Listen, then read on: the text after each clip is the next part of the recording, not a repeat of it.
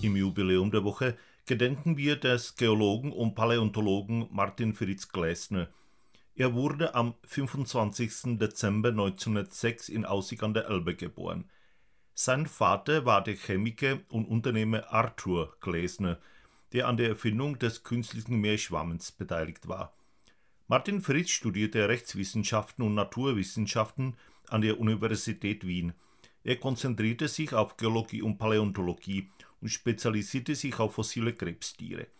Nach Abschluss seines Studiums ließ er sich in Wien nieder.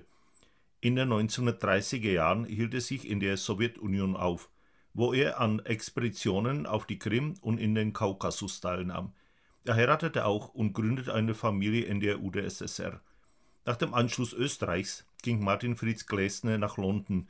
Bald zog er nach Papua-Neuguinea, wo er ein mikropaläontologisches Labor gründete – nach dem Krieg arbeitete er in Australien an der University of Adelaide, wo er eine Professur erhielt.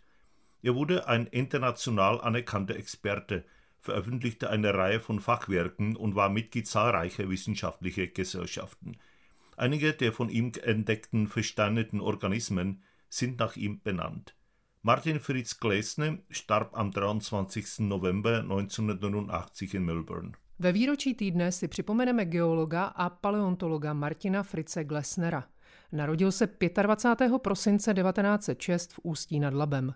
Jeho otcem byl chemik a podnikatel Arthur Glesner, který se podílel na vynálezu umělé mořské houby. Martin Fritz vystudoval práva a také přírodní vědy na univerzitě ve Vídni.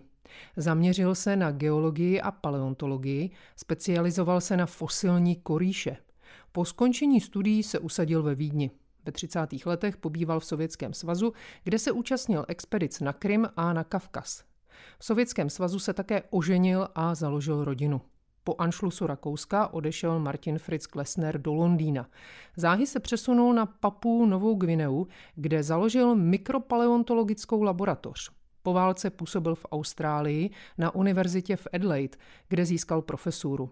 Stal se mezinárodně uznávaným odborníkem, publikoval řadu odborných prací a byl členem mnoha vědeckých společností.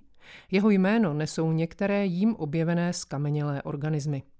Ústecký rodák Martin Fritz Glesner zemřel 23. listopadu 1989 v Melbourne.